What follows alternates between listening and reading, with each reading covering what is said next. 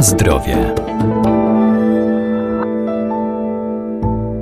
Każda aktywność ma pozytywny wpływ na nasze zdrowie. Nieważne, czy będziemy biegać, skakać, pływać, jeździć na rowerze, czy też spacerować, bo każda z tych aktywności pomaga wzmacniać nasz układ odpornościowy i daje szczęście, ale przy uprawianiu sportu istotne jest też odpowiednie nawadnianie organizmu.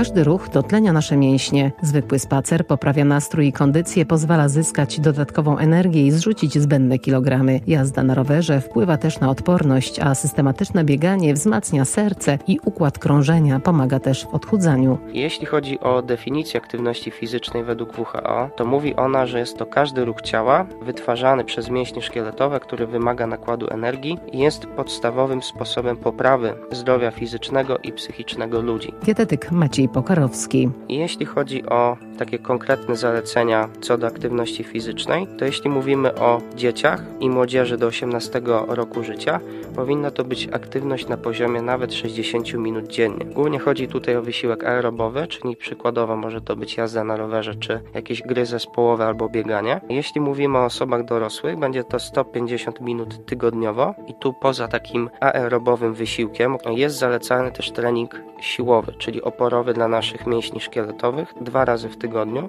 i jest też wybór, bo albo mamy te 150 minut tygodniowo, albo 75 minut intensywnego treningu w ciągu tygodnia. A więc e, w tym przypadku możemy bardzo intensywnie trenować i wówczas ta aktywność będzie spełniała rekomendacje Światowej Organizacji Zdrowia. Jeśli chodzi o osoby starsze, czyli po 65 roku życia, dodatkowo poza tą aktywnością 150 minut tygodniowo, osoby te powinny pamiętać o takich ćwiczeniach na koordynację nerwowo-mięśniową, na tym też powinny się bardziej skupiać. Z tego też względu, że niestety problemy ze złapaniem równowagi, z koordynacją nerwowo-mięśniową występują częściej u osób starszych, a wszelkiego rodzaju kontuzje z tym związane, no niestety są bardzo e, niebezpieczne i trudne w leczeniu. Chciałbym jeszcze powiedzieć o najważniejszych plusach, jeśli chodzi o aktywność fizyczną. Także dostateczna ilość wpływa na poprawę kondycji układu sercowo-naczyniowego. Mamy usprawnione procesy trawienia, co też jest bardzo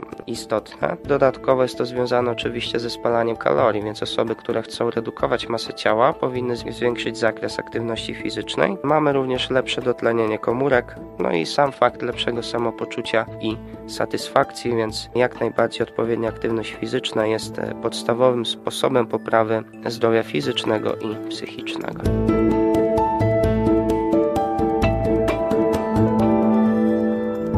Istotnym dla zdrowia składnikiem pokarmowym jest woda, którą szybko tracimy, dlatego musimy ją uzupełniać. Osoby aktywne muszą pić znacznie więcej płynów. Bardzo często słyszymy o tym, że bardzo istotne jest nawodnienie w ciągu dnia. Jest to jak najbardziej istotny element zdrowego żywienia. Z tego względu, że sama w sobie woda jest najważniejszym składnikiem organizmu człowieka. Jest ona niezbędna dla naszego życia.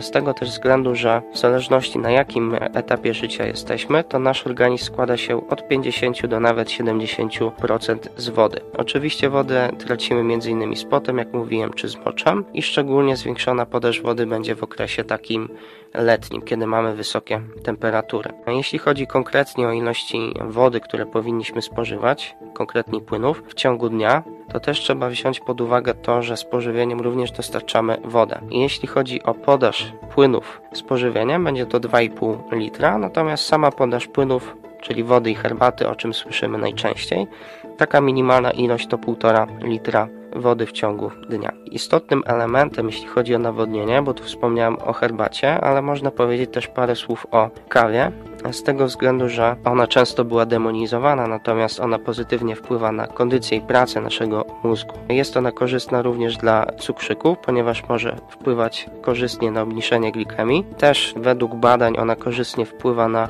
pracę wątroby. No i udowodnionym efektem jest też pozytywny aspekt, e, jeśli chodzi o wpływ kawy na pracę mięśni dla sportowców. No i tak jak wspomniałem, właśnie przy upalnych dniach, przy aktywności fizycznej powinniśmy zwiększać podaż wody, także przy aktywności powinniśmy zawsze wybierać się na tą aktywność z butelką wody.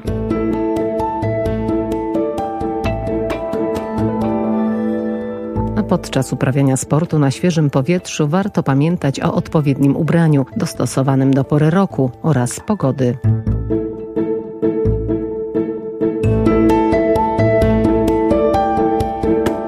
Na zdrowie.